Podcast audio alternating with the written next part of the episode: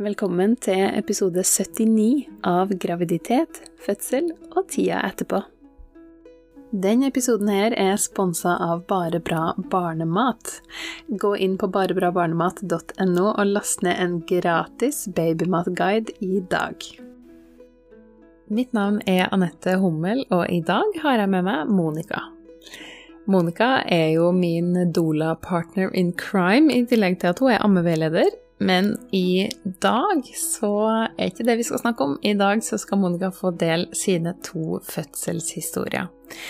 Og det er to veldig ulike fødselshistorier. Den første ble ikke helt sånn som hun hadde tenkt, og den andre ble hennes drømmefødsel. Og i dag så deler hun de to historiene, og hva det var som gjorde at eh, fødsel nummer to ble så veldig annerledes enn fødsel nummer én. Hjertelig velkommen hit, Monica. Tusen takk. La meg jo si hjertelig velkommen tilbake. Du har jo vært med på podkasten før. Ja, det har jeg jo faktisk. Mm, det er ganske lenge siden. Ja. ja, det begynner å bli en stund siden nå, ja. Ja, det var før jeg kjente deg, skal du si. ja. mye har skjedd siden da. Veldig mye har skjedd siden da. For du har jo faktisk vært, du har vært med på podkasten en gang og snakka om eh, amming og hvordan forberede seg til en god ammestart. Mm. Men så har vi også gjort en som jeg kalte en sånn bonusepisode, som var en livesending på Facebook. Mm. Eh, sammen med Camilla, kona di. Ja. Eh, der dere fortalte om hvordan det var å Eller hvordan dere gikk fram for å få barn. Ja, det sa jeg. Mm. Så den tenker jeg at jeg skal linke eh, under episoden, så hvis noen har lyst til å gå inn og, og finne ut Det høres kjemperart ut. Har lyst til å gå inn og finne ut hvordan dere lager ungene deres, så må, ja. kan de klikke seg inn. ja, de gjør jo det, da. Det, altså, det er ikke noe sånn at man inviteres inn på soverommet, men eh, man får eh, høre hvordan vi laga dem to ungene våre, eh, som var litt samme, men også litt forskjellige. Ja, ikke sant. Laga til legen. Laga til legen, ja. Rett og slett. Fint. For den, den syns jeg òg er så innmari fin, så den, den, vil jeg anbefale folk å gå inn og, og se, faktisk. For det er faktisk en video, det er en livesending på Facebook. Det er det. Ja. Eh, men eh, for dem som ikke har sett den livesendinga før, eller, eh, eller det forrige, hørte den forrige episoden, kan du si litt om, om, hvem du er, og hvem er familien din? Uh, ja, jeg heter jo Monica, da. Um, jeg er gift med Camilla. Uh, og så har vi to, to barn sammen.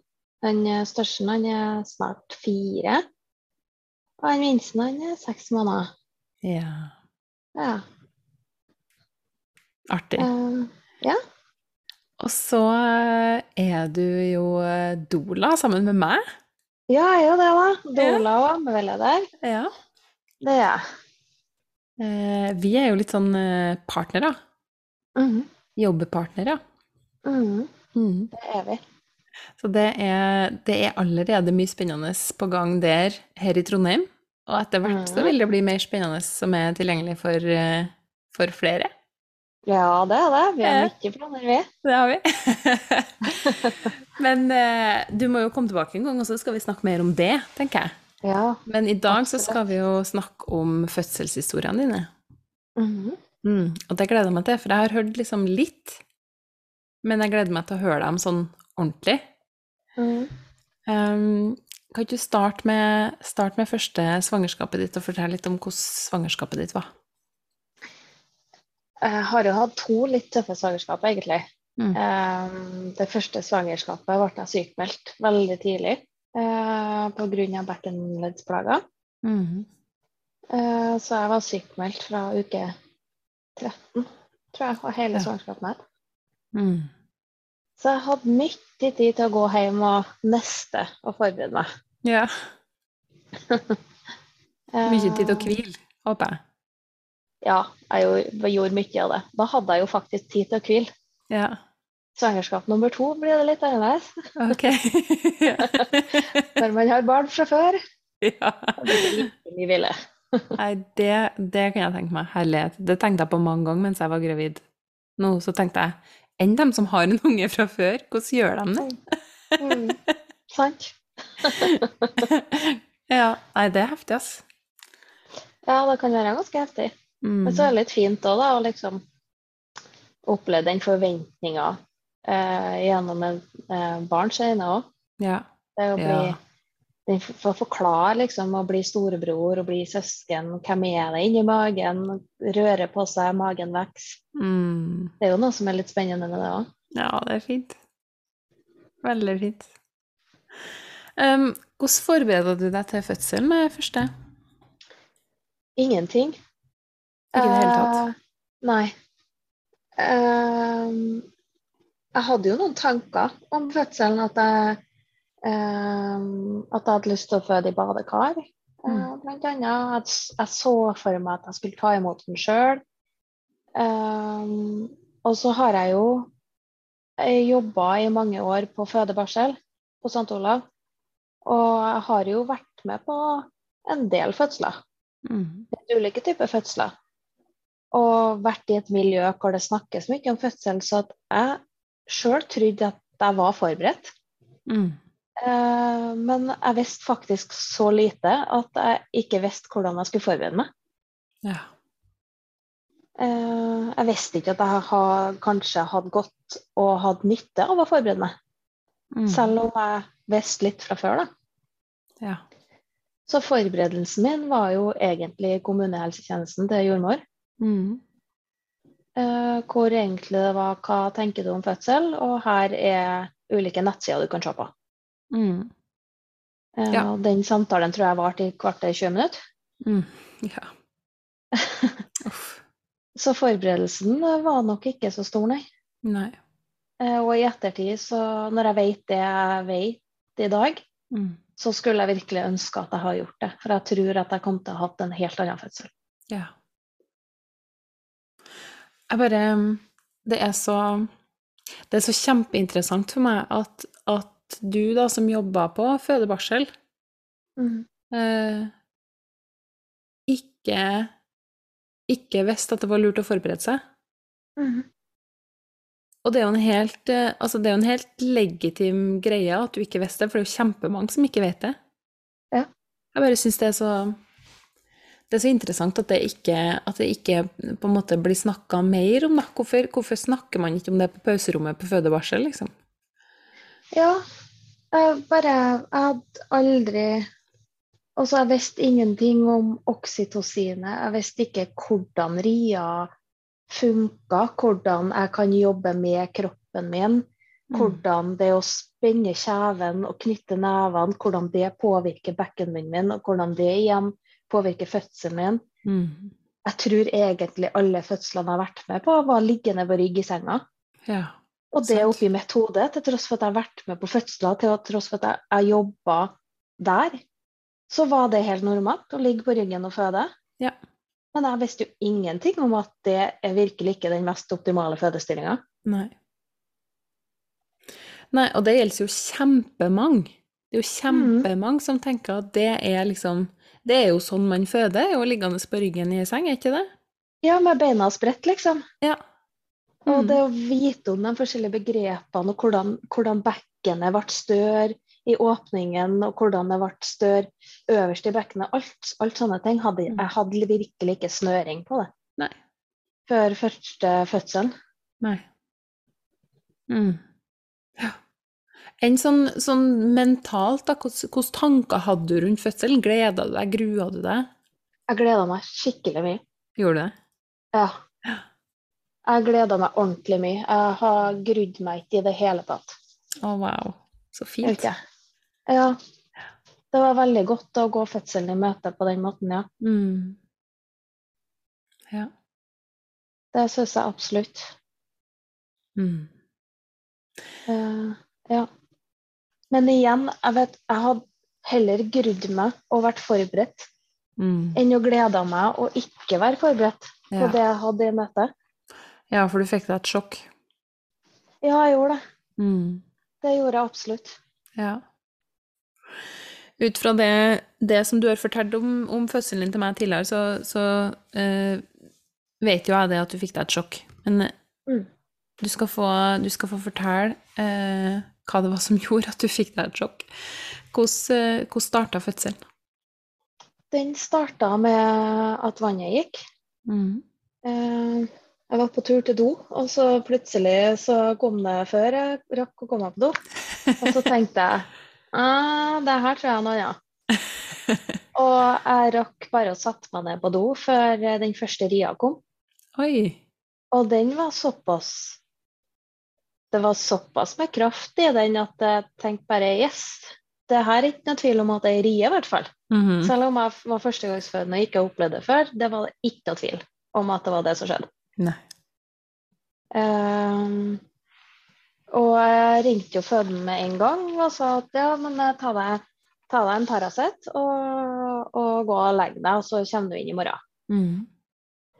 Men de riene tok seg opp ganske kjapt. Så dere var jo eh, rett før tolv på natta. Eh, og klokka tre så var riene så kraftfulle at jeg måtte nedover på sykehuset. Ja. Det var vel en eh, to og en halv, tre minutter imellom, og, og jeg måtte Jeg klarte ikke å ligge eller sitte, eller da måtte jeg opp og stå og bevege på meg og puste meg gjennom allerede. Mm. Uh, men når jeg kom på sykehuset, så var jeg jo bare én centimeter da. ja. Ble du skuffa når du fikk beskjed om det? Nei, da ble jeg ikke skuffa. Nei, så bra. Mm. Eh, Tenk bare siden du sa jeg var bare én centimeter. ja, jeg var jo bare én centimeter, men samtidig så var ikke jeg skuffa over det. Tror ikke jeg, jeg kan ikke komme på at jeg var skuffa over det Nei, da. så bra. Uh, men uh, da, jeg fikk jo fødestue. Mm. Uh, det var kjempetravelt på fødeavdelinga den natta. Mm. De har slått sammen to avdelinger. Og ei avdeling vet jeg hadde ti fødsler den natta. Og de Ja. hadde sju fødestuer. Mm. Så jeg var jo Det var ikke noe mange inn til meg. Jeg vet jo at de sprang, og jeg vet at de hadde kjempetravelt. Og vi ble veldig alene, jeg og kona mi. Ja. Og Rian ble skikkelig kraftfull. Mm. Um, Sammenkobla rier. Uh, jeg følte nesten ikke at jeg hadde noe riepause i det hele tatt. Jeg prøvde meg litt opp i badekar, men det var liksom Det var så mye kraft i dem, og, og hvis jeg bare snudde litt på meg, hvis jeg vridde litt på meg, så, så, så ble det vondt. Da fikk jeg en ny rie. Det var akkurat som om bare hvis jeg rørte på lillefingeren min, så satte jeg i gang en rie, liksom. Wow. Uh, og så jeg endte jo opp liggende i seng, uh, beit sammen tennene, jeg lå og kleip meg fast i senga. Jeg jobba jo skikkelig mot kroppen min, Mm. Ja. uh, vet jeg jo i dag. Eh, og, og jobba hele natta. Og når det kom til klokka kvart på sju, husker jeg, Mm. eh, da hadde jeg hatt mer eller mindre en og en halv time med sammenkomlerier. Jeg kan ikke komme på at det var en pause i dem i hele tatt på den siste en og en halv timen. Og da ringte jeg på og sa at eh, det her går ikke noe mer, nå må jeg ha epidural. Mm. Og da undersøkte jeg meg, og da var jeg to centimeter. Ja. Så jeg hadde jo jobba Da tenkte jeg at ja, da skal jeg i hvert fall ha epidural. Mm. Hvis jeg kommer fra 1 til 2 centimeter på det her vanvittige jeg nettopp har opplevd, oh, da Ja. må jeg ha noe som hjelper meg. Mm. Og så ble jeg litt skuffa òg, for at jeg hadde virkelig ikke lyst på epidural. Nei. Jeg hadde så lyst til å klare det her sjøl. Mm. Jeg hadde så lyst til å føde uten smertelindring. Jeg hadde liksom så lyst til å føle alt. Jeg hadde lyst å føle at jeg jobba med Rian. Jeg hadde lyst til å føle at jeg pressa han ut. Jeg hadde lyst til å føle alt. Ja. Eh, Men um, i den der situasjonen så ble det jo riktig. Mm. Eh, Og når jeg fikk epidural, så begynte jeg å slappe av. Ja. Og da tok det to timer, og så var jeg på åtte centimeter. ja, sant. Og Mm. ikke minst så fikk jeg flytte over til min avdeling, da, som jeg kaller det. Og så fikk jeg flytte over til, til Føde Øst, der jeg hadde kjente folk. Og det kom inn en jordmor som satt til meg hele tida. Ja. Og var inn okay. til oss hele tida.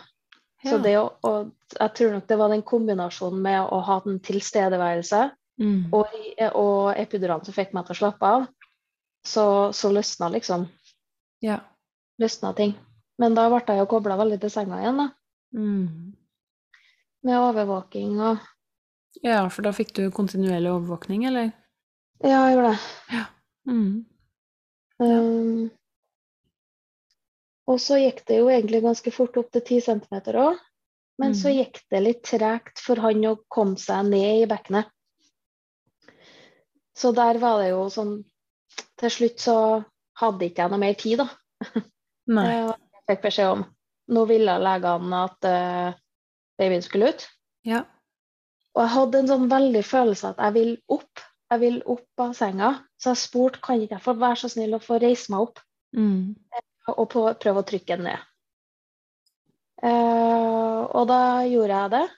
Uh, mitt instinkt var å henge over prekestolen uh, med beina spredt. Mm. Det var egentlig det jeg gjorde, og jeg kleip meg fast og pressa den ned. Mm. Og da kom den jo faktisk litt lenger ned, men tida mi gikk ut, da, på en måte. Ja, du hadde pressa for lenge, var det det de mente med det, eller? Ja, det hadde gått for lang tid fra 10 centimeter. Ja. Men var det Eh, noe Som igjen er noe av grunnen til at jeg ikke ville ha eh, vaginalundersøkelse på min andre fødsel. Sant. Nettopp. For var det noen indikasjoner? Var det noe sånn med hjertelyden, eller var det noen ting som gjorde dem bekymra? Nei. Nei. Og på det tidspunktet så eh, visste jeg ingenting om mine egne rettigheter. At det er jeg som bestemmer. Mm. Mm. Så det var Mm. klokka? Det var klokka. Ja. Eh, tida mi var, var oppbrukt. Ja. Det var det jeg fikk beskjed om, sant? Ja. Um, Ja, det syns jeg er helt hårreisende. Ja. Mm. Jeg vet jo at hun jordmora som var på fødselen min, hun, hun kunne ha tenkt seg at jeg hadde fått litt mer tid. Mm. Og hun uh, sa jo det, jeg tror du har klart det sjøl. Ja. Uh, men da sto legene utafor døra og trippa litt, og ville komme inn. Og da ble det lagt et klipp og vakuum, og han ble dratt ut. Mm. Ja. Eh, Så det, den liksom Den fødselen som jeg virkelig hadde så lyst til å oppleve at jeg Mm. gjorde sjøl, den følte jeg at vi liksom ble litt sånn tatt over for meg. Mm. Det var epidural som gjorde at jeg ikke kjente så mye. Jeg følte ikke liksom at jeg fikk Selv om jeg trykka, trykka ganske så hardt, så følte jeg ikke at det var min. Eh, og de klippet og de dro den ut, og jeg lå på ryggen med fullt i folk rundt meg. For jeg husker også jeg husker det øyeblikket hvor det kom inn masse folk. Ekstra jordmor og barnepleier og to leger og et par fra nyfødt intensiv, tror jeg. Mm. Eh, hvor jeg da har hatt et godt fokus. Jeg hadde jobba godt. Jeg, jeg følte at jeg pressa godt. Mm. Men idet de kom inn i rommet, så mista jeg helt fokuset. Ja. Eh, for det ble Logisk. for mye forstyrrelser. ja. Helt Jeg ble mer fokusert på folkene som kom inn i rommet, enn den jobben jeg skulle gjøre. Mm. Og før det så følte jeg at virkelig jeg gjorde en jobb. da. Jeg følte at jeg, jeg følte at jeg, jeg pressa, og jeg følte at jeg, at jeg fikk en ned. Og, men så kom det en hel drøss med folk, og da tok de fokuset mitt. Og så endte jeg nesten opp i en litt sånn, en litt sånn panikk. Mm. Ja. Eh, og jeg husker at jeg, jeg så etter hun ene jordmora, som var jordmor nummer to, da. Mm. eh, som eh, jeg også fikk på min fødsel nummer to. Mm. Eh, eh, og jeg bare jeg følte at jeg liksom leita etter blikket hennes for å få noen til å hente meg inn igjen. Mm. Ja. Wow. Og, og det gjorde hun jo absolutt. da. Hun klarte å hente meg inn og, og få meg fokusert igjen, men likevel så Når jeg tenker tilbake på det, så husker ikke jeg meg sjøl i den fasen, selv om jordmora Jeg husker øynene hennes, jeg husker at jeg så på henne. Men likevel, så, når jeg ser for meg rommet, så ser jeg for meg alle folkene i det. Mm. Jeg ser for meg liksom det kaotiske i det. Ja. Wow. Så det ble nok en uh, helt, helt annen fødsel enn jeg hadde skjedd for meg. Ja, det hadde jeg. Mm. Hvordan er det for deg å, å snakke om det nå? det har satt sine spor. Det har det så absolutt. Eh, jeg føler at jeg har klart å bearbeide det. Eh, både etter, eh, etter, eh, etter fødselen, men mest egentlig så har jeg klart å bearbeide det gjennom å ha en doula, som jeg fikk snakke om det før fødselen her nå. Mm. For jeg fikk nok et lite snev av fødselsangst denne gangen. Ja. Eh, og jeg begynte å grue meg, og ikke til fødselen nødvendigvis, men jeg begynte å grue meg til hvordan jeg skulle klare å takle kraften i riene. Jeg begynte å grue meg til hva hvis enn hvis at jeg ikke får sånn, enn hvis Mm. de ikke er der, enn hvis at jeg ikke får den tilstedeværelsen jeg ønsker meg. Alt, alt det der, da. Mm. Enn hvis at jeg må ha vakuum igjen, enn hvis at det blir mye folk. Ja. Alt det der ga meg en liten, en liten snev av fødselsangst. da. Mm. Og det ble opp mye av grunnen til at jeg ville ha med meg Dola denne gangen. Ja. Uh, og jeg følte at jeg fikk liksom bearbeida mye sammen med henne og Mm. sammen med kona mi. Men mest uh, av alt så fikk jeg bearbeida gjennom å få en god fødselsopplevelse neste gang. Sant. Mm. Ja. Jeg har jo en sånn Jeg har en drøm om at, om at flere førstegangsfødende velger å ha doula, sånn at vi kan slippe at det er så innmari mange som, som da velger doula som nummer Altså til andre fødselen for å bearbeide førstefødselen. Mm. Tenk om mange Altså, vi kunne ha fått så mange mye finere førstefødselsopplevelser hvis flere hadde valgt doula ved første fødsel. Det er så mange Åh, som velger doula. valgt noe- Ja, sant? Har jeg kunnet valgt noe på nytt, så har det vært å ha med meg doula på første. sant? Og uten tvil er det noe virkelig Hvis det det vært én ting, Mm. velg én ting som du kunne gjort annerledes, så har det vært å ha med meg doula, for da vet jeg at alt det andre har blitt annerledes òg. Ja, ikke sant? Det er helt, eh, ja, det er helt utrolig, altså. Og det, jeg syns det er så fint at på en måte mm, Begge vi som Altså, da var jo du i en helt annen situasjon, og da kunne ikke du så mye om fødsel som det du kan nå. Men jeg tenker, eh, for meg òg, da, som, som vet kjempemye om fødsel, og har masse kunnskap rundt fødsel, men jeg kunne aldri Jeg hadde, hadde ikke tort å føde uten doula. Det var bare så mye tryggere å ha en doula der. Virkelig, Mm. altså. Det var nesten sånn at hvis jeg hadde måttet valgt mellom jola, mellom jola, doula og jordmor, så hadde jeg valgt doula. Ja. jeg, jeg skjønner det valget. Det er jo helt sprøtt eh, Ja, heldigvis så trenger man ikke å ta sånne valg, men hadde jeg måttet Nei. det, så ja. Um, hvordan var tida etter fødselen med Ludvig? Ja, den var litt tøff. Ja, Mm. den var det. Uh, det er nok en kombinasjon kanskje av den fødselen jeg hadde, eh, og at jeg var så utrolig sliten til å begynne med, og at jeg fikk en gutt som krevde ganske mye av oss. Ja. Um,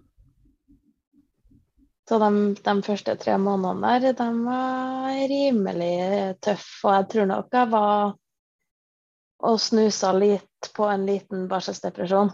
ja. Mhm. Logisk, Ja. egentlig. Men uh, ja. Nei, det Ja. Det gikk jo bra, det òg. Mm. Men eh, jeg- den, den barselstida der satt nok også en liten støkk i meg, ja. Ja. Så jeg grudde meg også litt til barselstida. Mm. I tillegg til at det var jo en del ammeutfordringer, og han hadde noe stramt tungebånd og, Ja. som ga sine plager. Og, mm. ja, Ja. det var noen utfordringer der. Mm. Jeg syns det Jeg syns det er fint, sjøl om at det er Altså, for det første så har jeg bare masse medfølelse med at det var en veldig, veldig vanskelig situasjon. Um, for det er jeg helt sikker på at det var. Og jeg syns det er fint at at du deler det, at det var en vanskelig situasjon. Kanskje også spesielt fordi at du er jo ammeveileder sjøl. Mm. Og at fordi at du er ammeveileder og eh, har masse kunnskap om amming, så er ikke dermed sagt at det bare går av seg sjøl. Nei, absolutt ikke.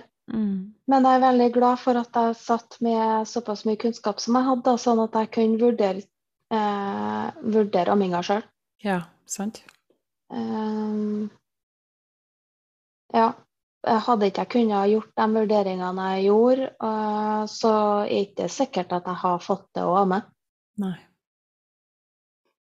Det er det absolutt ikke. Mm. Nei, for du kunne jo da, du kunne jo da vurdere situasjonen og eh, iverksette tiltak Mm. for å få det bedre.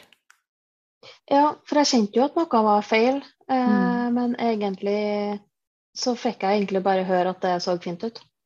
Ja. Eh, jeg spurte jo også om hjelp. Jeg kjenner at det er feil, det er skikkelig vondt å amme. Jeg kan ikke hjelpe meg å se, for det er jo litt vanskelig å være sin egen ammeveileder òg. Ja, klart. Altså, du skal jo kunne se under din egen pupp, det er ikke så veldig enkelt. Nei. Eh, men heldigvis så, eh, så fikk jeg gjort de vurderingene jeg trengte, og gjort de tiltakene jeg trengte. da. Ja, for du følte ikke at du fikk den hjelpa av andre? Nei, jeg gjorde egentlig ikke det. Nei. Synd. Ja, det er litt synd. Mm.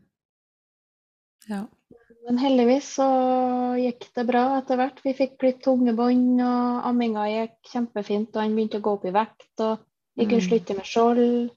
Og vi endte opp med amme over to år, ja, så fint. så det var kjempefint. Ja. ja, det er knallbra. Veldig flott. Eh, og så eh, ble du jo gravid eh, på nytt Mm. i, eh, for eh, overkant av et år siden. Mm. Um, vil du bare vil du fortelle bitte litt kort bare hvordan dere eh, laga ungene deres?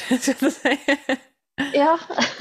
eh, Ludvig han er jo et resultat av eh, mitt egg og en eh, sæddonor. Mm. Uh, og han ble laga med, med IVF-behandling fordi at jeg har uh, lite egg. Mm. Uh, og nå på runde nummer to, da, det var vi jo rimelig klar over egentlig at kom til å skje, så var det enda mindre egg og veldig lite sannsynlig at jeg skulle få til å bli gravid. Ja. I tillegg så hadde vi jo bare ett strå med sæd liggende eh, av den samme donoren.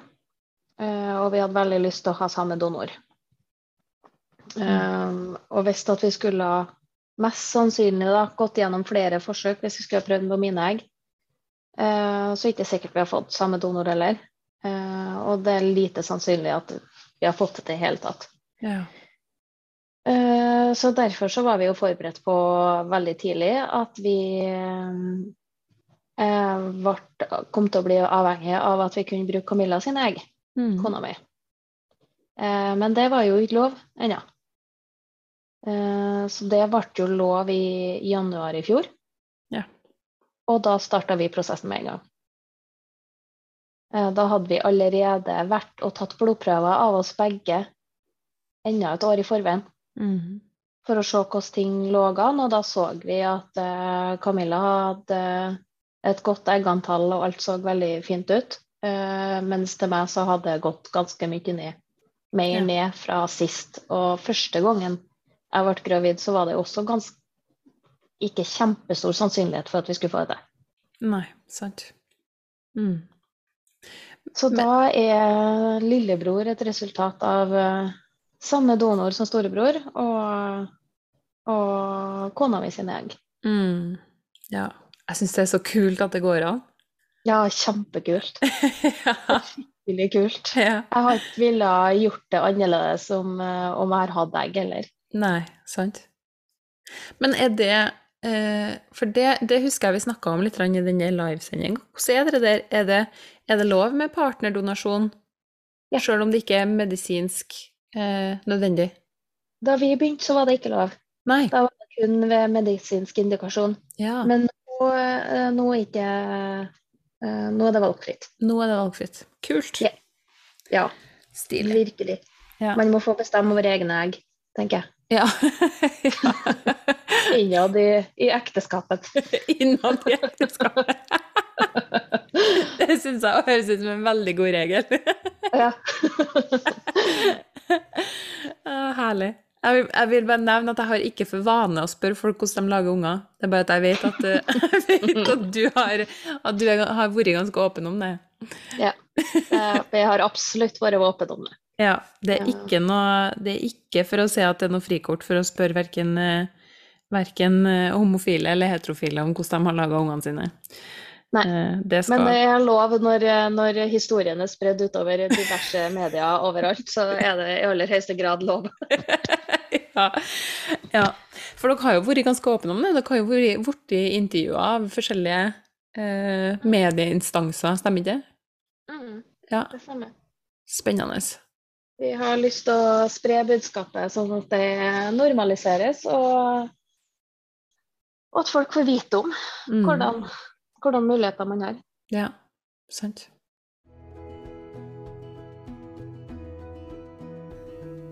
Nå tar vi et lite avbrekk for å snakke bitte litt om ukas podkastsponsor, som er Bare bra barnemat.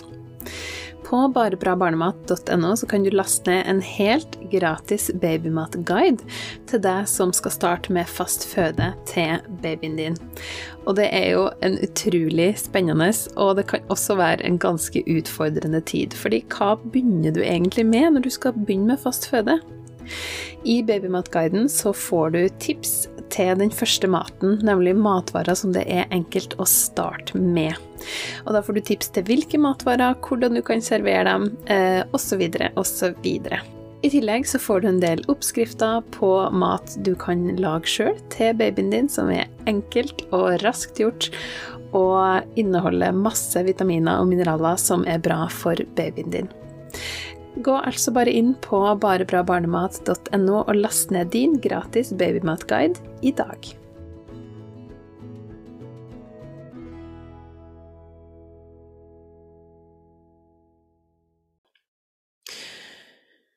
Um, det passer jo egentlig Det passer jo kjempebra at, uh, at jeg snakker med deg nå, for det er jo pride. Mhm. Det er det. det er det. Og nå tror jeg dessverre at denne episoden her kommer ut rett etter at pride-måneden er ferdig. det var litt dårlig planlagt. Men sånn er det noen gang. Ja. Men, eh, men har du lyst til å si litt grann bare om eh, Hvilken respons har dere fått når dere har vært så åpne om hvordan dere har gått fram for å få unger? Eh, mest positiv, heldigvis. Så bra. Ja. Mm. Eh, men det har også vært eh, noen litt stygge kommentarer. ja. Eh, som at vi fortjener ikke å få barn, og stakkars barn som må vokse opp med, med to mødre. Og Mm. hvor er vi endt i verden når folk kan bare drive og designe barn på denne måten? Og, oh, og litt sånne kommentarer. Ja. Um, var jo på en måte forberedt på at det kom til å komme. Mm. Eh, men det vender det stikker dypt likevel, altså. Ja. Å sitte og se på hva noen mener. Mm. Eh, at, det, at det er synd på ungene våre for at de må vokse opp med oss fordi at vi er to damer. Det er jo helt, helt vanvittig. Jeg, har, jeg vet liksom ikke hva jeg skal si engang til det. For at det er bare Jeg klarer ikke å skjønne at noen tenker det. Nei. Det er, det er veldig vanskelig å ha en respons på sånt, fordi at det er så, det er så usaklig, og det er så Altså, ja, nei. Det er kjemperart. Jeg tenker Altså Ja, eh, stakkars unger som må vokse opp med to foreldre som elsker dem, og som har gått langt for å få dem. Stakkars unger. Mm. Og helt Ja, nei. Men eh, det er, det er veldig fint at dere har fått mest positive tilbakemeldinger, sjøl om de negativene, de stikker jo noe så innmari. Ja, de Ja. sitter jo gjerne litt dypere, da, men, eh, men det var innmari mye god respons på det, altså. Det er jeg glad for. Det jo kjempefint. Ja, det er godt å høre. Mm. Og så var det jo da eh, svangerskap eh, nummer to, da. Minne oss på hvor, eh, hvor mange år det er mellom Ludvig og Linus. Det er tre år mellom dem. Tre år mellom dem. Nå måtte du tenke deg godt om. Ja, da måtte jeg tenke om. Litt over tre år mellom dem. ja, fint. Eh, var det eh, Det var ganske sånn dere ønska det, eller? Ja. Ja, så fint. Sånn cirka det, ja. Ja. Jeg hadde jo, jeg hadde jo en tanke om eh, Før vi fikk en Ludvig, så hadde jeg en tanke om at vi skulle få to veldig tette barn. og vært supert hvis vi har fått tvillinger. På Ja. nummer to så har vi fått tre barn, to svangerskap, liksom. Ja. Og så fikk vi en Ludvig, da, som krevde litt mye av oss. Mhm. Uh, og en barselstid som ble litt tøff. Uff, ja. Og da måtte jeg jobbe en del med meg sjøl for i hele tatt starte den prosessen. Mm. Det skjønner jeg. Men så, så ble jeg jo klar til slutt likevel. Mm. Ja. Kan du Altså, hva var det på en måte som gjorde Eller jeg vet ikke om du kan si noe om det, men, men når kjente du på en måte at OK, jeg er klar. Jeg kan gjøre dette igjen. Jeg tror nok det var tett opp mot uh, da vi begynte. Ja. Så det var nok eh, rundt tre år det tok før jeg kjente at jeg var klar, men da, da kjørte vi bare på med en gang. Ja. Ja. Og så er jo, så er jo dere sånn unikum som har blitt gravid på første forsøk to ganger i, Ja. i IVF. Det er nesten så at jeg ikke tør å si det høyt. ja, det skjønner jeg godt.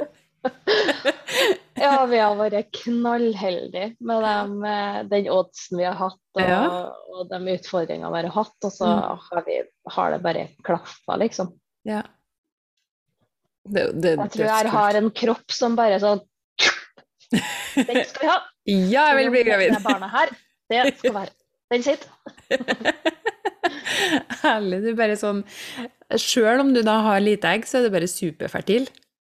Det har jeg sagt. Eller noe sånt. Ja. Ja. Det virker rart. Ja, det er liksom fra maks nedtur til skikkelig opptur på få måneder. Det er bare Ja. Det er så stilig. Ikke så fort med den første. Mm. Ja, det er kult, altså. Så ehm, hvordan var svangerskapet uh, andre gangen? Uh, det ble uh, tøft denne gangen òg, Ja. men det hadde jeg forventa denne gangen. ja. Eh, og jeg hadde allerede begynt å jobbe med kroppen og gå til behandling og forberedt meg på de utfordringene jeg visste at mest sannsynlig kom til å komme Ja. før jeg ble gravid. Mm. Eh, men eh, det ble noen problemer med bekken og, og sånn denne gangen òg. Ja. Uh, men jeg klarte å være i jobben min som ammeveileder, i hvert fall. Mm. Uh, som litt sånn på deltid, da. Til ei uke før termin, tror jeg. Så jeg jobba li litt lenger enn en vanlig denne gangen. Ja. Uh, men jobben min i St. Olav, den fikk ikke jeg til å være. Nei. Det skjønner jeg. Det er en helt annen, altså, det er en helt annen hverdag å drive og være på sykehuset og Ja, stor forskjell. Ja. Det er det. Eh, så, så selv om smerteproblematikken og plag, de kroppslige plagene mine eh, ble eh, relativt likt, Mm. -hmm. til altså litt bedre denne gangen, fordi jeg visste hva det var for noen ting, og fikk behandling av dyktige folk. Mm. Eh, men det beste av alt var at jeg fikk være i jobb. Ja. Så bra. Eh, det, er en, eh, det er et helt annet utgangspunkt Mm. for en barselstid. Å få lov til å være i jobb og få lov til å være seg sjøl. Ja, så fint. Kjempebra. Ja, du var jo, du var jo her hjem til meg og ga meg ammeveiledning. Da var du rimelig høygravid. Ja, da var jeg rimelig høygravid, ja. For det er jo bare Hva er det mellom ungene våre? da? Fem uker, eller noe sånt? Fem uker, ja. Ja. Så det er ganske, ganske tett oppi. ja. Herlig. Um, Hvordan forberedte du deg den gangen her? Det er jo selvfølgelig det store spørsmålet nå. Ja. Eh, jeg var med på positiv fødsel-kurset. Mm. Eh, det var det første jeg begynte å forberede meg på. Eh, og så begynte jeg å følge Instagram-kontoer eh, som jeg syntes var nyttig å følge, og som ga meg god informasjon på den normale fysiologiske fødselen, og hvordan fødekvinner kan liksom eh, Hva fødekvinner kan gjøre sjøl, da. Mm. Eh, og hvordan du kan jobbe med kroppen din i fødsel og ikke imot. Ja. Eh, og generelt få informasjon om hvordan hvor, så fødselsfysiologien og Mm. eh, hvordan alt funker, hvordan, hvordan riene funker, hvordan livmora funker, hvordan jobber hele kroppen sammen liksom, for et mål. Ja. Det ble nok det viktigste. Noe av det viktigste. Mm. Uh, og så hadde jeg jo en tanke gjennom hele svangerskapet at jeg hadde lyst på Dola. Mm. Men så var vi jo i covid, uh, selvfølgelig. Uh, og jeg jobba så utrolig lenge med meg sjøl om jeg skulle ha Dola eller ikke, fordi at jeg visste ikke om jeg takla skuffelsen over å ikke få lov til å ha med meg den dolaen på fødselen. Ja. Skjønner jeg kjempegodt. kjempegodt. Ja, jeg var så redd for at den skuffelsen liksom skulle ødelegge, da. Mm. Så at det, det gikk veldig, veldig lang tid før jeg våga å ta kontakt med dola. Da tror jeg det var fem uker før termin. Ja. Om det var så lenge òg. Fire-fem uker. Mm. Tre, fire, fem. Det var noen uker i hvert fall ja. før termin. Ja, det var veldig tett oppi. Jeg husker vi snakka om det. Mm. Mm. Og det var bare Jeg bare plutselig bestemte meg for det. At bare jeg, Nei, nå gjør jeg det. Ja. Nå tar jeg kontakt. Mm. For da var vi også i en litt sånn situasjon med covid at det så ut som det kanskje kunne la seg gjøre. Ja.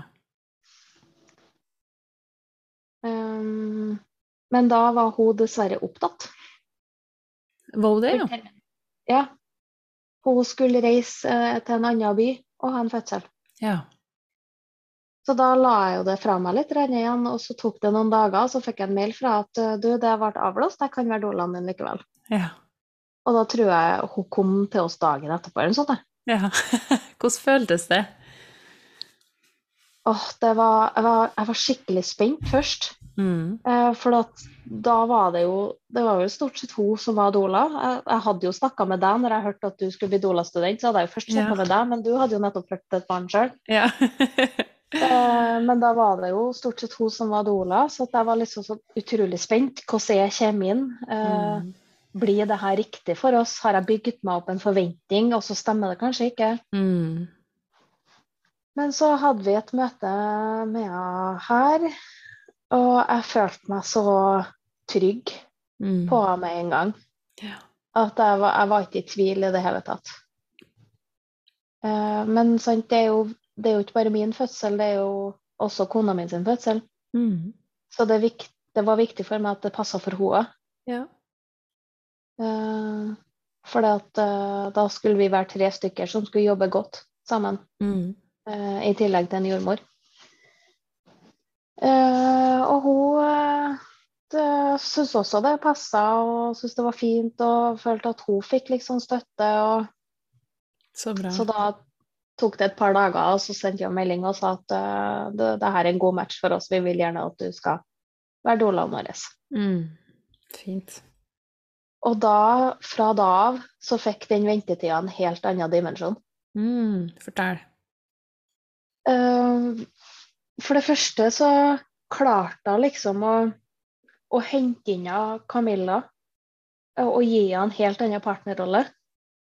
For at hun hadde jo sett positiv fødsel-kurset med meg, og hun, vi hadde snakka mye om fødselen og, og alt sånne ting. Men hun klarte å dra helt inn i fødselsbobla mi. Mm. Eh, og hun klarte å liksom engasjere og gi henne spesifikke oppgaver. Og sånn og sånn skal du hjelpe med før fødselen. Vi fikk eh, noen spinning babies-øvelser. Mm. Eh, vi fikk noen tøyøvelser, og vi fikk liksom Sånn skal dere gjøre sammen nå. Eh, og så fikk hun også spesifikke oppgaver. Så, så når riene starter, så gjør du sånn. Eh, Ja. de, de første riene, så skal dere gjøre sånn.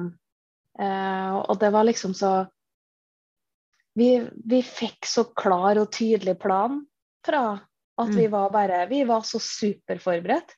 Herlig. Vi følte liksom at vi vet, nå vet vi akkurat hva vi skal gjøre. Ja. Det her, altså nå, nå, og jeg, jeg hadde ikke fødselsangst engang. Med en gang hun kom i bildet, så, så forsvant den angsten, og jeg begynte å glede meg til fødselen igjen. Mm, så fint. Eh, og så ble den så fin, den tida i forveien. Mm. Vi gikk hjem sammen, og vi hadde oppgaver. og Vi satt på liksom spillelista vår, og vi gjorde de Spinning Babies-tøyøvelsene. og Vi hadde liksom noen greier, og jeg gikk jo ni dager på overtid. Mm. Og eh, jeg gikk jo selvfølgelig og venta på fødselen, jeg òg, men jeg var ikke utålmodig. Fordi at, eh, fordi at vi hadde det så fint i Ja. denne forberedelsesbobla vår. Vi hadde oppgaver vi skulle gjøre, vi hadde ting vi skal gjøre. Og jeg visste at for hver dag ekstra jeg får, blir kroppen min mer klar for å få ut babyen min. Mm. Uh, og babyen min blir mer moden, og babyen min sier fra når han vil ut. Nydelig. Ja. Så jeg følte meg ikke utålmodig i det hele tatt. Mm, kjempefint. Eh, Det er det man Helt til ønsker jeg seg. selvfølgelig Ja, akkurat. Jeg syns det, ble- en sånn fin forberedelsestid. Og, og det å få meldinger fra innimellom 'Hvordan har du det i dag?' og Mm. uh, uh, 'Har du lyst til at jeg skal stikke innom en tur i morgen kveld?' Uh, og så ringte hun meg og snakka litt med meg. og Ja, fint. Eh, ja. Og så kom han jo med den dagen fødselen starta, på et litt Mm. sånn eh, Ikke et planlagt besøk, egentlig. Hun hadde sendt meg melding på morgenen. Jeg skal til Trondheim eh, i kveld. Skal jeg komme innom deg en tur? Ja.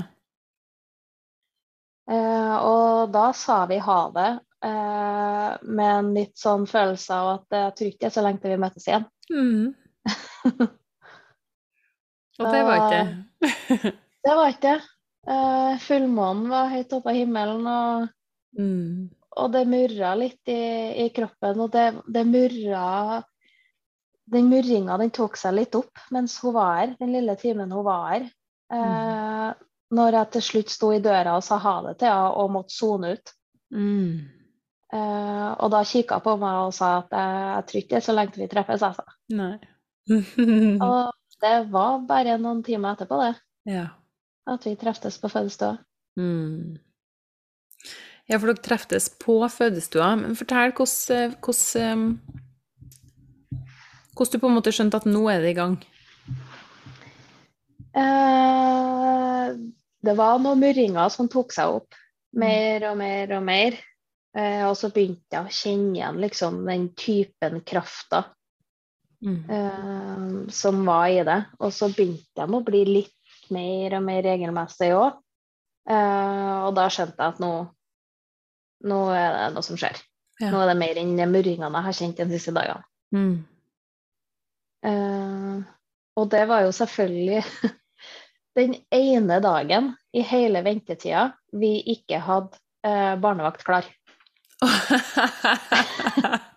Vi hadde liksom en sånn Vi hadde plan her og der og Hitra, Namsos Det var liksom Alt var klart. mm. Og den dagen så dro mora eh, og kjæresten til mora til Camilla og kjæresten Mm. De dro på ettermiddagen, og så visste vi at søstera mi kom hjem den kvelden med fly. Ja. Vi hadde et lite mellomrom der som vi Mhm. ikke hadde noen som kunne være barnevakt. ja. Da begynte Rian. Da tenkte Linus at nå har jeg muligheten, tenkte han. Yes, det her er min tid. Så søstera mi rakk å komme hjem og snu i døra og fære til oss. Å, guri meg. ah, så, dere, så det ordna seg likevel, da? Hun rakk å Ja, det komme hjem? ordna seg så Ja. akkurat. Så bra. Mm. Guri meg. Og da får dere ned på St. Olav, på fødestua. Vi har jo faktisk ei fødestue på St. Olav. Mm, det har vi. Uh, og det var jo et stort ønske at jeg fikk Mm. være der. Eh, og denne gangen òg så tok jo Rian seg opp ganske fort. Ja. Eh, den første, den første murringa som jeg kjente at Nå, her er det noe som begynner å ta seg opp litt, det var klokka sju om kvelden. Eh, og jeg tror innen åtte-ni Mm. så var jeg helt sikker på at noe var i gang. Og klokka halv elleve var vi nede på fødestua. ja. For da var de såpass tett og såpass mye kraft i dem. Mm. At du tenkte at nå Mm. Ja. For at jeg visste veldig tydelig at jeg hadde lyst på tilstedeværelse og støtte for å Mm. føle trygghet Ja. denne gangen. Så du ville ikke være du, ville, du hadde ikke noe lyst til å være hjemme lengst mulig? Nei, Nei. egentlig ikke. Nei. Eh, ikke. Ikke med den erfaringa jeg hadde fra sist, hvor, hvor eh, jeg følte meg veldig alene. Selv om kona mi var en kjempefin støtte da òg, Mm. så, så hva er det noe med den her den, den tredje støtten? Ja. Den utenfor det her. Absolutt. Helt enig. Og her er jo alle ulike, selvfølgelig. Noen vil jo være alene. Noen Mm. vil jo kanskje være helt alene, til og med. Ja. Eh, men jeg trenger trygghet. Mm. Eh, og det var, visste jeg veldig godt med meg sjøl at det, det, det ville jeg ha. Ja. Fint. Kjempefint. Det er jo en veldig viktig del av å forberede seg til fødsel, tenker jeg. Det er å finne ut hva Når er det jeg føler meg trygg? Mm. Det er noe, det er jo ikke noe viktig når det er noen annen som når, når, når de føler seg trygg, når naboen føler seg trygg. Det er jo når du føler deg trygg. Mm. Og selv om jeg føler meg tryggest hjemme, så er det jo kjempefint hvis du føler deg tryggest på fødestua, at du drar dit. Mm. Det er jo kjempeviktig. Ja, trygghet er jo så superviktig i en Mm. fødsel. Enormt. Helt enormt. Ja. Mm. Um, så dere for ned på fødestua og møtte, Dolan møtte dere der? Mm. Mm. Vi kjørte på fødestua, og på tur nedover så hadde jeg lydfilen fra Positiv fødsel på øret. Mm. For å liksom holde meg i bobla. Hadde igjen øynene og, eh, og hørte på lydfilene og holdt meg i den her fødebobla. Mm.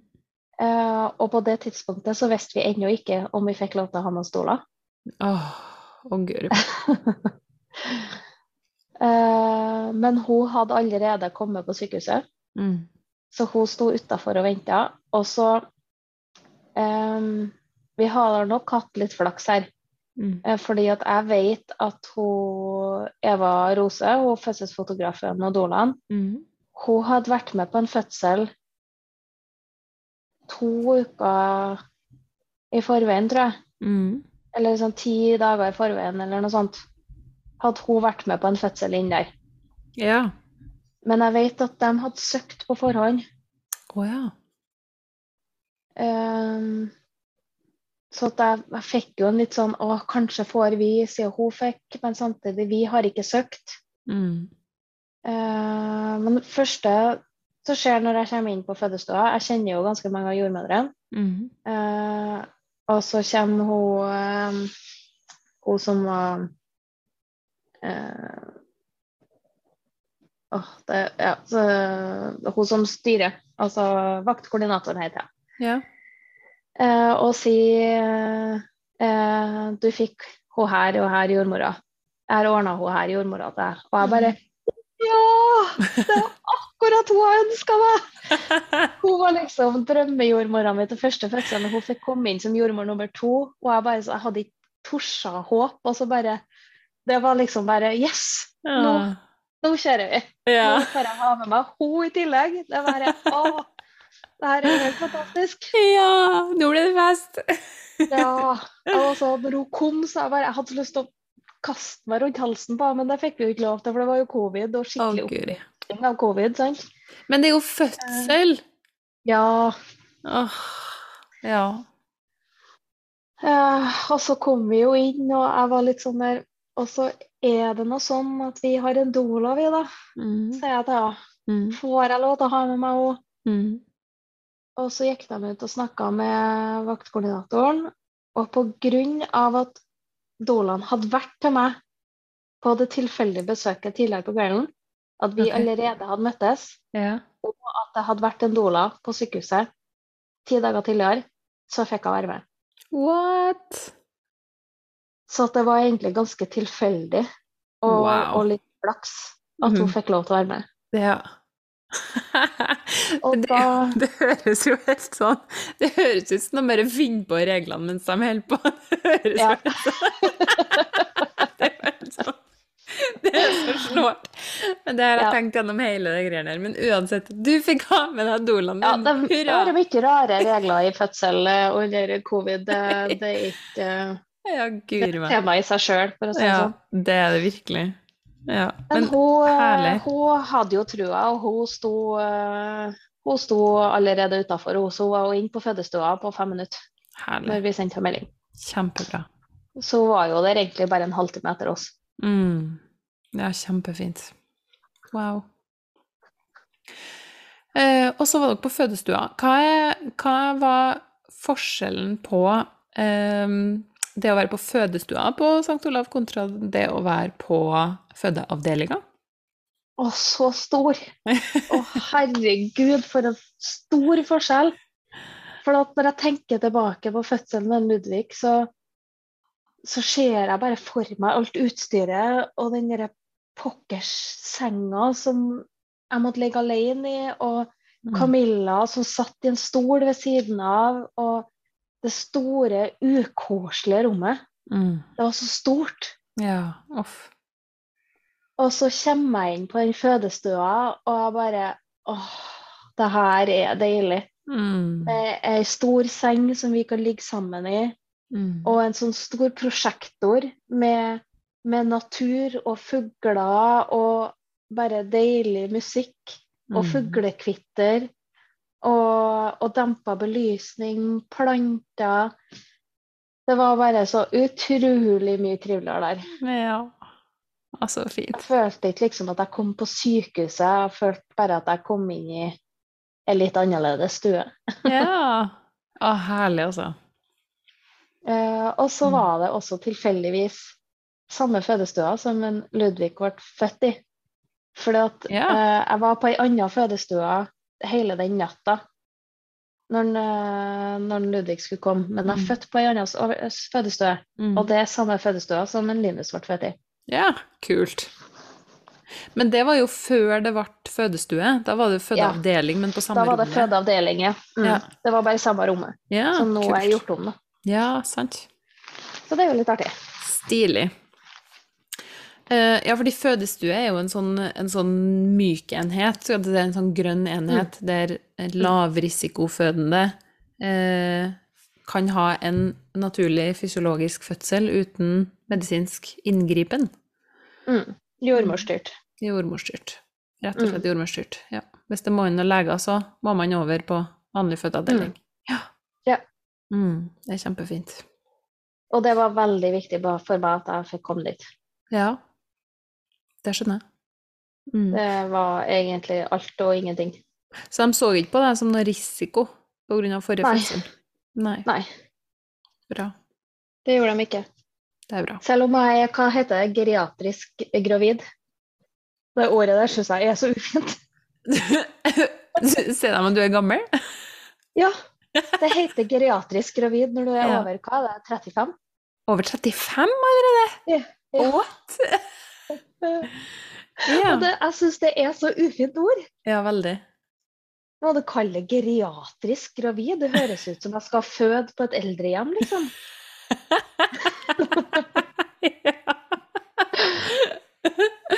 Når man er over 35, ja. Ja. Ja, guri. Men ja, det er jo, det er jo enda et tema i seg sjøl, er jo alle de der ufine begrepene som brukes som kvinnehelse, eller innafor kvinnehelse. Mm. Det er jo så mange sånne Altså, eh, jeg som har hatt flere spontanaborter, er jo en serial aborter. Ja. Jeg Hæ? Det, gir jo, altså, det er jo helt grusomt. Det er Helt forferdelig. ja, Hvem, herregud. har, hvem har funnet på de ordene, liksom? Det føles ut som du har fått en sånn diagnose eller en sånn ja, at, uh, Ja, det er jo helt forferdelig. jeg altså, vet ikke helt hva jeg skal sammenligne med engang. Nei, nei, det, altså det, nei. Det høres jo ikke bra ut. Å, guri meg. Nei, kvinnehelse, ass. Ja. Um, Men tilbake til fødestua, der du var sammen med eh, både din fru og dolaen din, og den her Mm. jordmora, jordmora du var så glad for å se.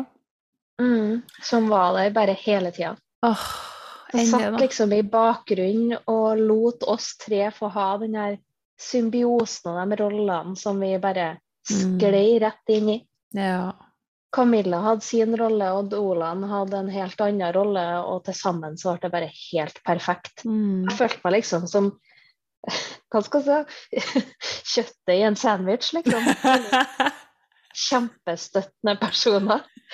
Og imellom så sto bare liksom dronninga og fikk bare støtte fra alle kanter. ja. Oh. Og det var helt nydelig. ja. Så fint.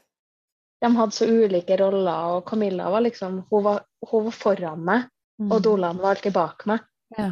Og støtta meg med, med, med dobbel hoftepress, massa, masserte meg Mm. og gjorde alt det der. Passa på at jeg fikk i meg litt smoothie innimellom, at jeg liksom Mm. kom med litt forslag. Men så Camilla, hun var den klippen min i front. Ja. Den som jeg fikk henge rundt, den som liksom Som var den utømmelige oksytocinkilden min. Mm. Ja. De har to viktig. helt vidt forskjellige roller. Altså En doula tar aldri over for en fødepartner. Det blir bare Mm. Hun, hun støtter begge. Hun Mm. står liksom bare og en stødig klippe rundt hele den her fødselsbobla som både fødemamma og partner er i. Ja. Mm. Det er så fint. Og jeg Mm. følte liksom at jeg, jeg fikk jobba så godt med Rian Mm. denne gangen, når jeg visste liksom Hva skulle jeg stå, hva skulle jeg hendene mine, hva, skulle jeg, hva, skulle jeg, hva skulle jeg gjøre med kjeven min, hva skal jeg gjøre med hodet mitt? Mm. Uh, hva skal jeg jobbe med alt det der? Jeg følte liksom at bare jeg hadde så kontroll. Jeg pusta så godt, og jeg og Camilla jobba så godt, og Nei, jeg følte meg virkelig som en ordentlig fødekvinne. Ja. Det var så, jeg husker at jeg tenkte bare Fy flate, hvor god jeg er på det her. ja. Det her rocker jeg, altså. Å, herlig! Å, så bra. Å, Og så kommer det jo på et tidspunkt hvor det blir mer intenst, da. Ja. Selvfølgelig. Mm. Eh, men eh, den starten der var bare sånn der Nei, det her, det her får vi til. Det her klarer vi. Mm. Ja. Og du nevnte vel i stad, men eh, du ble ikke eh, vaginalundersøkt, stemmer det? Nei, Mm. eh, det hadde jeg skrevet i fødebrevet mitt. Hva det var, to og et halvt siders langt fødebrev. ja. Så jeg husker at jordmora sa oi, det var langt. Når hun fikk brevet mitt. Men hun leste? Og det, hun leste, og det, øh, det syns jeg var så fint. Mm. Fordi at hun gjennom hele fødselen så bekrefta at hun hadde lest det. Ja. Ved å si 'jeg vet at du ikke ønsker', eller 'jeg vet Mm. at du ønsker sånn og sånn og sånn'. ja. Uh, hun bekrefta hele tida at hun hadde lest det fødebrevet, Mm. Så fint. og, og respektert ønskene mine. Mm. Og det, det ble nesten det viktigste for meg hele fødselen. der. Ja. Det skjønner jeg. Å få den respekten for ønskene mine og få den medbestemmelsen i alle avgjørelser. Mm. Um, og, og vite at det ble ikke bare levert et fødebrev som bare sånn åh, det gidder ikke jeg lese, det var altfor langt, liksom. Ja, sant. Ja. Um, det, det, det var veldig fint. Ja, kjempebra. For det er jo det som er, når man skriver fødebrev, så er det jo for, Altså, man skriver jo ned de tingene som er viktige. Mm. Så det som står der, er viktig for deg. Mm. Det er ikke bare sånn ja, må du skrive et fødebrev, da, fordi at det, det er det folk gjør, liksom. Du skriver jo ned det som er viktig.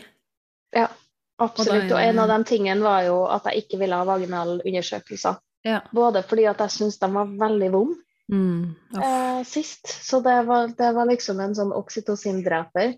Mm. for min del. Uh, og fordi at jeg ville ikke vite. Nei. Jeg ville ikke bli skuffa hvis at uh, jeg ikke var så mange centimeter. Og så vet jeg i dag at hvor mange centimeter du er, sier ikke nødvendigvis hvor langt du er i fødsel, Nei. og hvor, hvor lenge det er til du før. Mm -mm. Så hvorfor? Hvorfor skal jeg vite det? Jeg vil, ville heller at jordmora skulle se på meg. Ja. Lurt. Det, det, jeg syns det er helt, eh, helt legitimt. ja, absolutt. Um, ja, så hvordan, eh, hvordan, gikk det videre, da? I fødselen din? Det kom, eh, ble litt tyngre på et tidspunkt, sa du? Ja, uh, jeg gikk jo til slutt opp i badekaret. Først så gikk jeg rundt på fødestua, eller på føderommet, og så gikk jeg til slutt opp i badekaret. Um, og det syns jeg var helt nydelig. Mm. Fantastisk å være oppe i badekaret. Uh, men de begynte å ta seg opp og bli rimelig bra kraft i de uh, riene. Uh, og jeg begynte liksom å nærme meg det her stadiet hvor det føles litt sånn uovergåelig. Mm. Og så var det litt sånn åh, nå, nå, føler jeg at jeg er nødt til å gjøre noen ting. Nå vet jeg ikke helt hva jeg skal gjøre, men jeg vet at jeg er nødt til å gjøre noen ting. og følte at jeg måtte hvile meg. Jeg følte at jeg måtte hvile, ligge og hvile meg. Ja. Så jeg bare, kan ikke jeg prøve å opp i senga litt? Mm. Eh, og så fikk jeg ligge opp i senga på sida med beina skikkelig trykt opp. Eh, og jeg husker eh, Dolan holdt handa si under beina mine, så at jeg fikk henne til å trykke fra mm. under riene. Og så fikk jeg ligge mot Camilla. Og på det tidspunktet eh, da var, var, jeg ikke langt unna fødsel. Mm. Eh, og et litt sånn kjent eh, et, En litt sånn kjent eh, tid i fødselen hvor liksom det føles veldig uoverkommelig. Mm, overgangsfasen. Ja. ja. Men det skjedde et eller annet oppi der. Mm.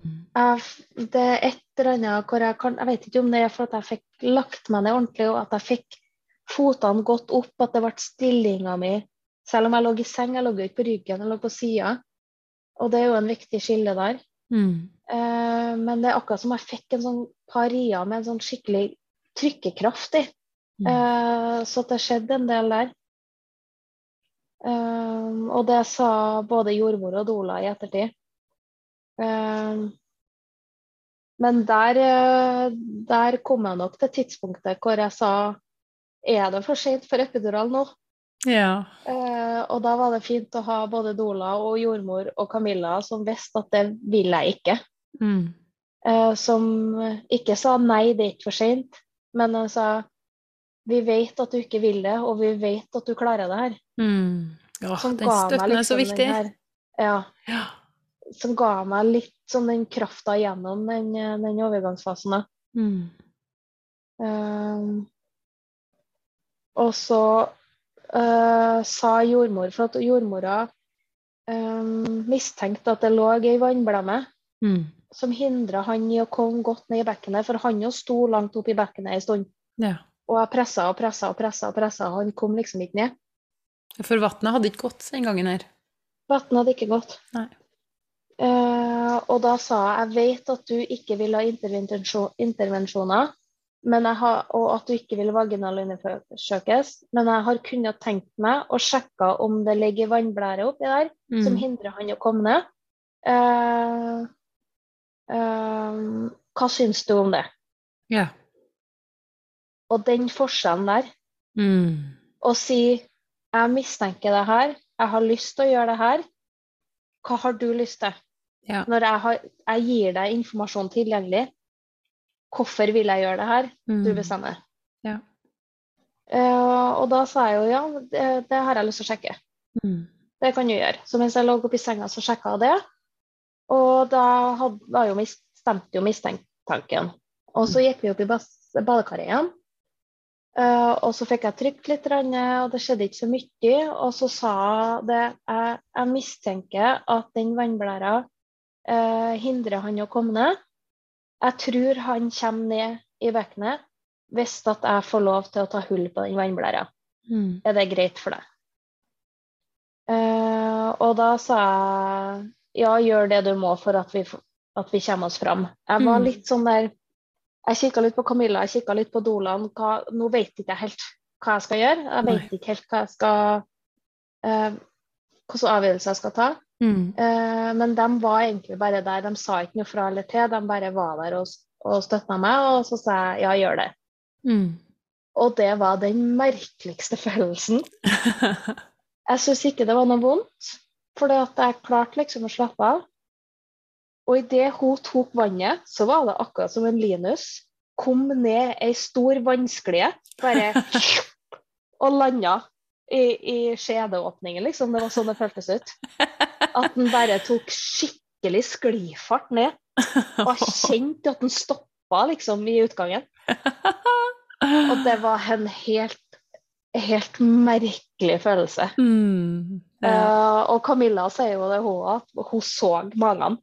Mm. Hun så magen bare droppa ned Ah. og la seg rundt hele gutten. At hun så babyen, liksom. Wow. Så det var, det var skikkelig merkelig. Mm. Og da var det bare eh, rett på trykk. Ja. Eh, ja, for da kjente du den trykketrangen. Å ja. Trykketrangen hadde jeg fra før, men jeg kjente at den var ikke ned. Nei. Jeg Mm. trykka, men jeg, jeg kjente liksom ikke at den kom fram. Nei. Mm. Så at jeg var litt sånn, eh, Der visste ikke jeg Der visste jeg rett og slett ikke om, om uh, hva jeg trykka for, på en måte. Nei. Det føltes ikke som det var noe fremgang i trykkinga. Og det var det jo heller ikke, da. Nei, sant. Mm. Uh, Så det var veldig riktig avgjørelse, men det er så fint at hun lot meg ta den avgjørelsen. Åh, det er så viktig. Ja, kjempeviktig. Og så er det noe med at når, at når det blir lagt fram på den måten, så, så kjenner du også det at hvis jeg sier nei nå, så blir det respektert. Mhm. Sant? Det er et hav av forskjeller. Ja, virkelig, altså. Uh, og da, jeg vet ikke når ting skjedde, men eh, det ganske kjapt etterpå så var han ute. Mm. Og det, det gikk så fra 0 til 100 at jeg klarte ikke helt å henge med. Jeg, jeg skjønte ikke når hodet var ute. Det hadde ikke jeg fått med meg. Uh, og jeg skjønte heller ikke når kroppen var ute, og jeg skjønte ikke at jeg pressa kroppen ut. Nei. Fordi at hodet kom ut, og så sier jeg på neste rie så trykker du en gang til, og da trykker jeg litt. Så jeg trykka hele kroppen halvveis ut. Mm. Og så sier jeg men Monica, nå er den nesten ut, så du må trykke litt til. Og så trykka jeg en gang til, og så liksom var nå det det. Og så sa jeg men nå må du plukke den opp. Hæ, er den ute, sa jeg. Ja, han er ute, nå må du ta den opp. Hæ? Nei, er jeg ferdig? Og så tok jeg hendene nedi vannet og, og tok den opp til meg. ja. Sjøl. Ja, Mm. Og da fikk jeg liksom gjort alt det som jeg ville gjøre på forrige fødsel. Mm. Føde i vann og plukke den opp sjøl. Og jeg hadde egentlig lyst til å liksom kjenne fra hodet og, og kjenne den hele veien ut. Men jeg skjønte jo ikke at jeg var der. Nei. Jeg skjønte jo ikke at jeg hadde født hodet Nei. allerede. Sant. Åh, fødsel, altså. Ja, det er helt rått. Og det sykeste sånn rett etterpå så tenkte jeg at dæven, nå er jeg glad for at jeg er ferdig. Ja. Nå er, jeg, nå er jeg bare glad for at jeg ikke skal ha flere barn. Ja. Og så sitter jeg nå seks måneder etterpå bare fy flate, fødsel er så rått, kan jeg få gjøre det igjen uten å være gravid? Ja. ja, det Jo kjenner jeg meg veldig godt igjen i. mer har jeg lyst til å føde flere ganger. Skjønner jeg. Det skjønner jeg. Ja. Det er helt sånn at jeg bare jeg, Nei, jeg, jeg tenker da kunne jeg godt ha føda liksom ti ganger til. Mm. Men den der graviditeten, og så skal man jo ha alle ungene etterpå, det er jo kanskje litt Mm. heftig med ti unger. ja, det er noe med det. Ja. Å, guri Og så var navlestrengen litt kort, så jeg, jeg la den jo oppå meg. Men jeg Mm. kjente at liksom Det trakk. eh, det trakk litt. Mm. Eh, men der hadde jeg jo også skrevet at jeg har, jeg har lyst til å vente lengst mulig med å Mm. klippe navlestrengen, og Ja. at den skal være ferdig pulsert og, Mm. og sånn. Og vi hadde også skrevet at Camilla ikke ville klippe navlestrengen. Mm. Eh, men det som jeg eh, ikke hadde sett for meg før, det var uh, hun jordmor og spurte har du lyst til å klippe. Ja. Og det var sånn ja, ja det vil jeg jo. Ja. Selvfølgelig. Så jeg klippet navlestrengen sjøl, og det føltes ut som bare Da følte jeg meg så rå. ja, det skjønner jeg jeg. lå der jeg hadde nettopp født babyen min, en fire kilos baby med et ganske så stort hode. Ja. uh, i badekar, og jeg hadde plukka den opp og lagt den på brystet, og så skal jeg klippe navlestrengen til, og det var bare Mhm. sånn der Åh, det var bare en sånn Det var toppen av kransekaka, liksom. ja. Det var bare ja, prikken over i-en. Men da er du Altså, det skjønner jeg godt at du føler deg som superwoman i en sånn situasjon. Har ikke jeg noe problem med å forstå. Det er dødskult. Ja, vet du, den fødselen der, eh, den det, Jeg sitter igjen med åh, Jeg får bare sommerfugler i magen og, og føler meg så sterk på nytt igjen når jeg, Mm. når jeg tenker gjennom den. Ja, så Det var bare så åh, fantastisk opplevelse. Mm. Det er var helt- nydelig. Ja, skikkelig fin. Ja. Herlig. Hvordan var um, tida etterpå? Og den var Og vi fikk så god tid. Mm. Det er ikke noe som ble rusha, liksom. Og det hadde jeg også vært veldig tydelig på i fødebrevet mitt. da. At jeg, vi ville ha god tid, og han skulle få kravle til brystet, og Mm. eh, vi skulle få bli kjent, og vi skulle få hvile oss. Og... Så han ble jo født fire på natta. Og vi var et stykke utpå formiddagen, tror jeg, altså før eh, det ble gjort noen målinger. og Mm. Og vi ble ikke rusha ut av fødestua. Det var litt sånn Vil dere hjem, eller skal dere på hotellet? Hva tenker dere? Og vi var Jeg hadde jo egentlig en tanke om at jeg ville rett hjem fra fødestua, Mm. men jeg hadde jo vært våken hele natta, og det var liksom der Skal vi rett hjem og hente treåringen i barnehagen? Og Ja. Det blir et veldig hverdag. ja, det ble veldig mye. Mm. Uh, så der ble det Men vi fikk god tid på å bestemme oss. og Mm. uh, Så vi bestemte oss jo til slutt for at vi ville, ha en natt på hotellet, da, bare for å få hente oss litt inn før vi starta hverdagen som tobarnsforeldre. Ja. Fint. Uh, men han fikk jo ligge, ligge lenge og krøvle til puppen. Mm. men han tok ikke puppen ennå. Eh, han uh, amma jo ikke det første døgnet etter han kom til. Eh, men det følte jeg Det var jo ingen hast. Nei. Eh, der eh, han jo fikk ligge masse hud mot hud når vi kom på hotellet, og han fikk liksom muligheten til å, til å kravle og søke og Jeg rulla på brystknoppene, jeg håndmelka meg litt innimellom, og vi, vi stressa liksom ikke noe med det i det hele tatt. Eh, så det syns jeg var veldig fint, og det var ingen som stressa meg på det heller. Mm. At han måtte suge, liksom. Nei. Um, Men der igjen nå, da, når han først sugde dagen etterpå, Mm. så merka jeg jo fort at her er det noe som ikke stemmer. Mm. Uh, og med amming med en med stramt tungebånd friskt i minne, så begynte jeg jo å frykte det igjen, da. Mm. Ja. Uh, og det stemte. Ja. Så det ble jo uh, ikke en helt optimal ammestart denne gangen heller. Nei. Men uh, åh, nå var jeg i hvert fall bra glad for at jeg hadde enda mer kunnskap enn jeg hadde for tre år siden. Mm. Ja, for du har jo blitt blitt IBCLC i mellomtida. Det har jeg. Mhm. Og, og jobba som ammeveileder og, og jobba med mye andre problemstillinger. Før så hadde jeg jo jobba mest med nyfødte. Ja. Eh, eller jobba bare med nyfødte. Mm.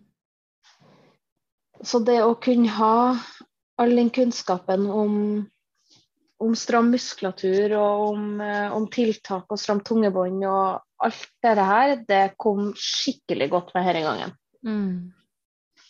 Eh, Det gjorde det absolutt. Eh, Så vi var jo heldige som begynte gikk, Vi dro til kiropraktor med han allerede da han var to dager. Mm. Fordi at jeg, jeg så det på han at han var stiv i kroppen sin, og jeg mistenkt stramt tungebånd. Og, Ja. og vi fikk ikke til å amme. Nei. Til tross for alle teknikkene jeg har innabords og Mm. alt jeg vet, så fikk jeg han ikke til å, til å få et godt sugetak. Nei. Så nok en gang så ble jo løsninga skjold, Mm. ammeskjold. Eh, men han fikk heller ikke et godt tak på et helt vanlig ammeskjold.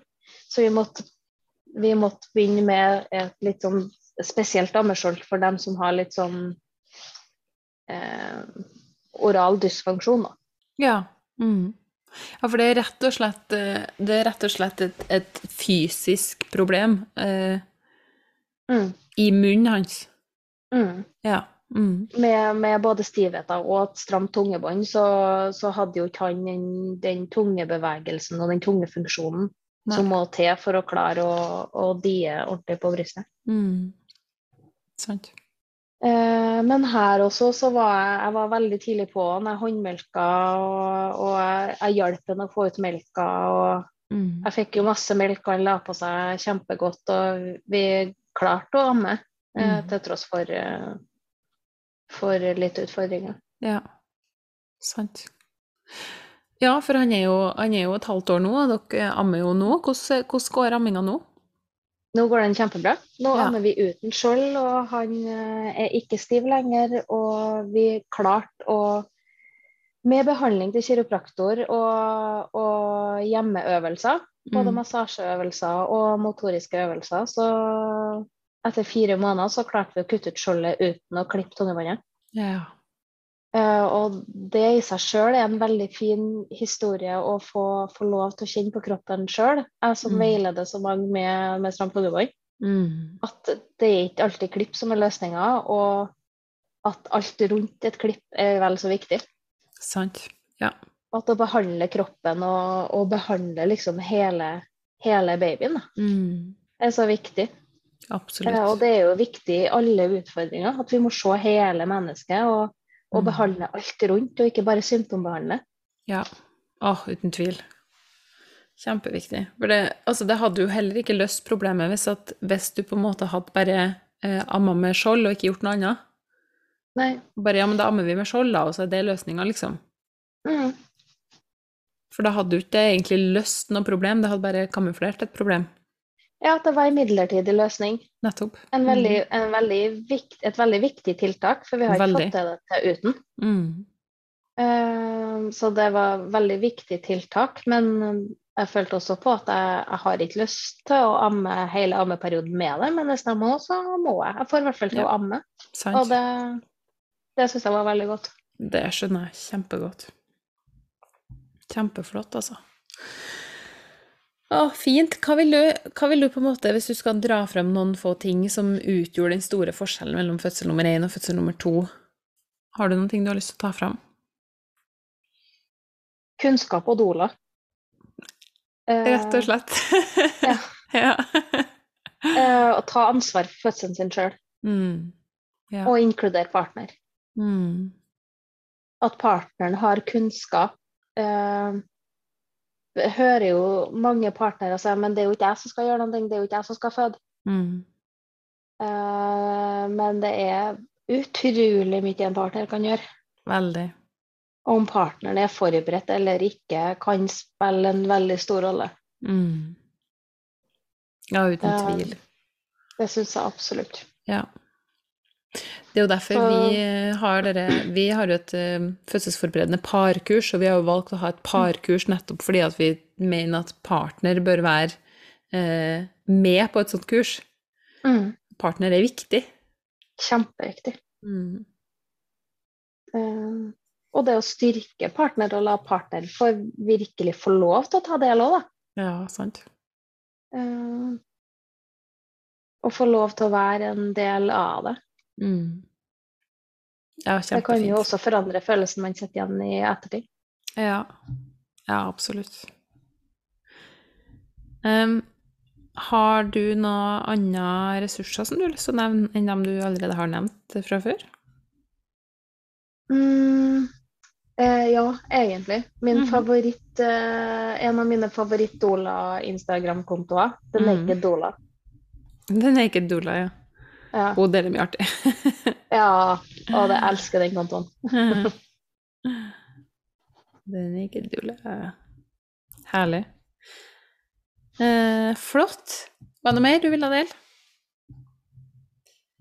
Nei, jeg tror ikke Nei. Da eh, hvordan kan folk eh, finne deg?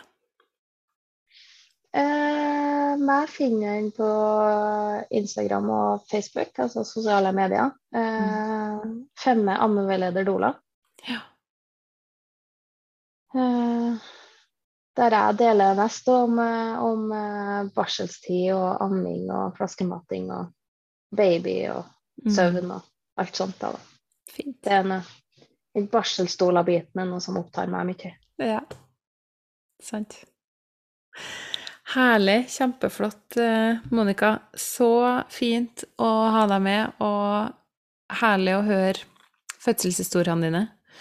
Fint å, å liksom ha den der kontrasten mellom den første og den andre, og, og hva det var som utgjorde forskjellen. Mhm. For det tror jeg nok eh, Jeg håper jo da, ikke sant, at hvis det er liksom førstegangsgravide som hører på, at de, at de gjør det annerledes. Ja, Mm. Hvis det passer for dem. Ja, Mm. sant.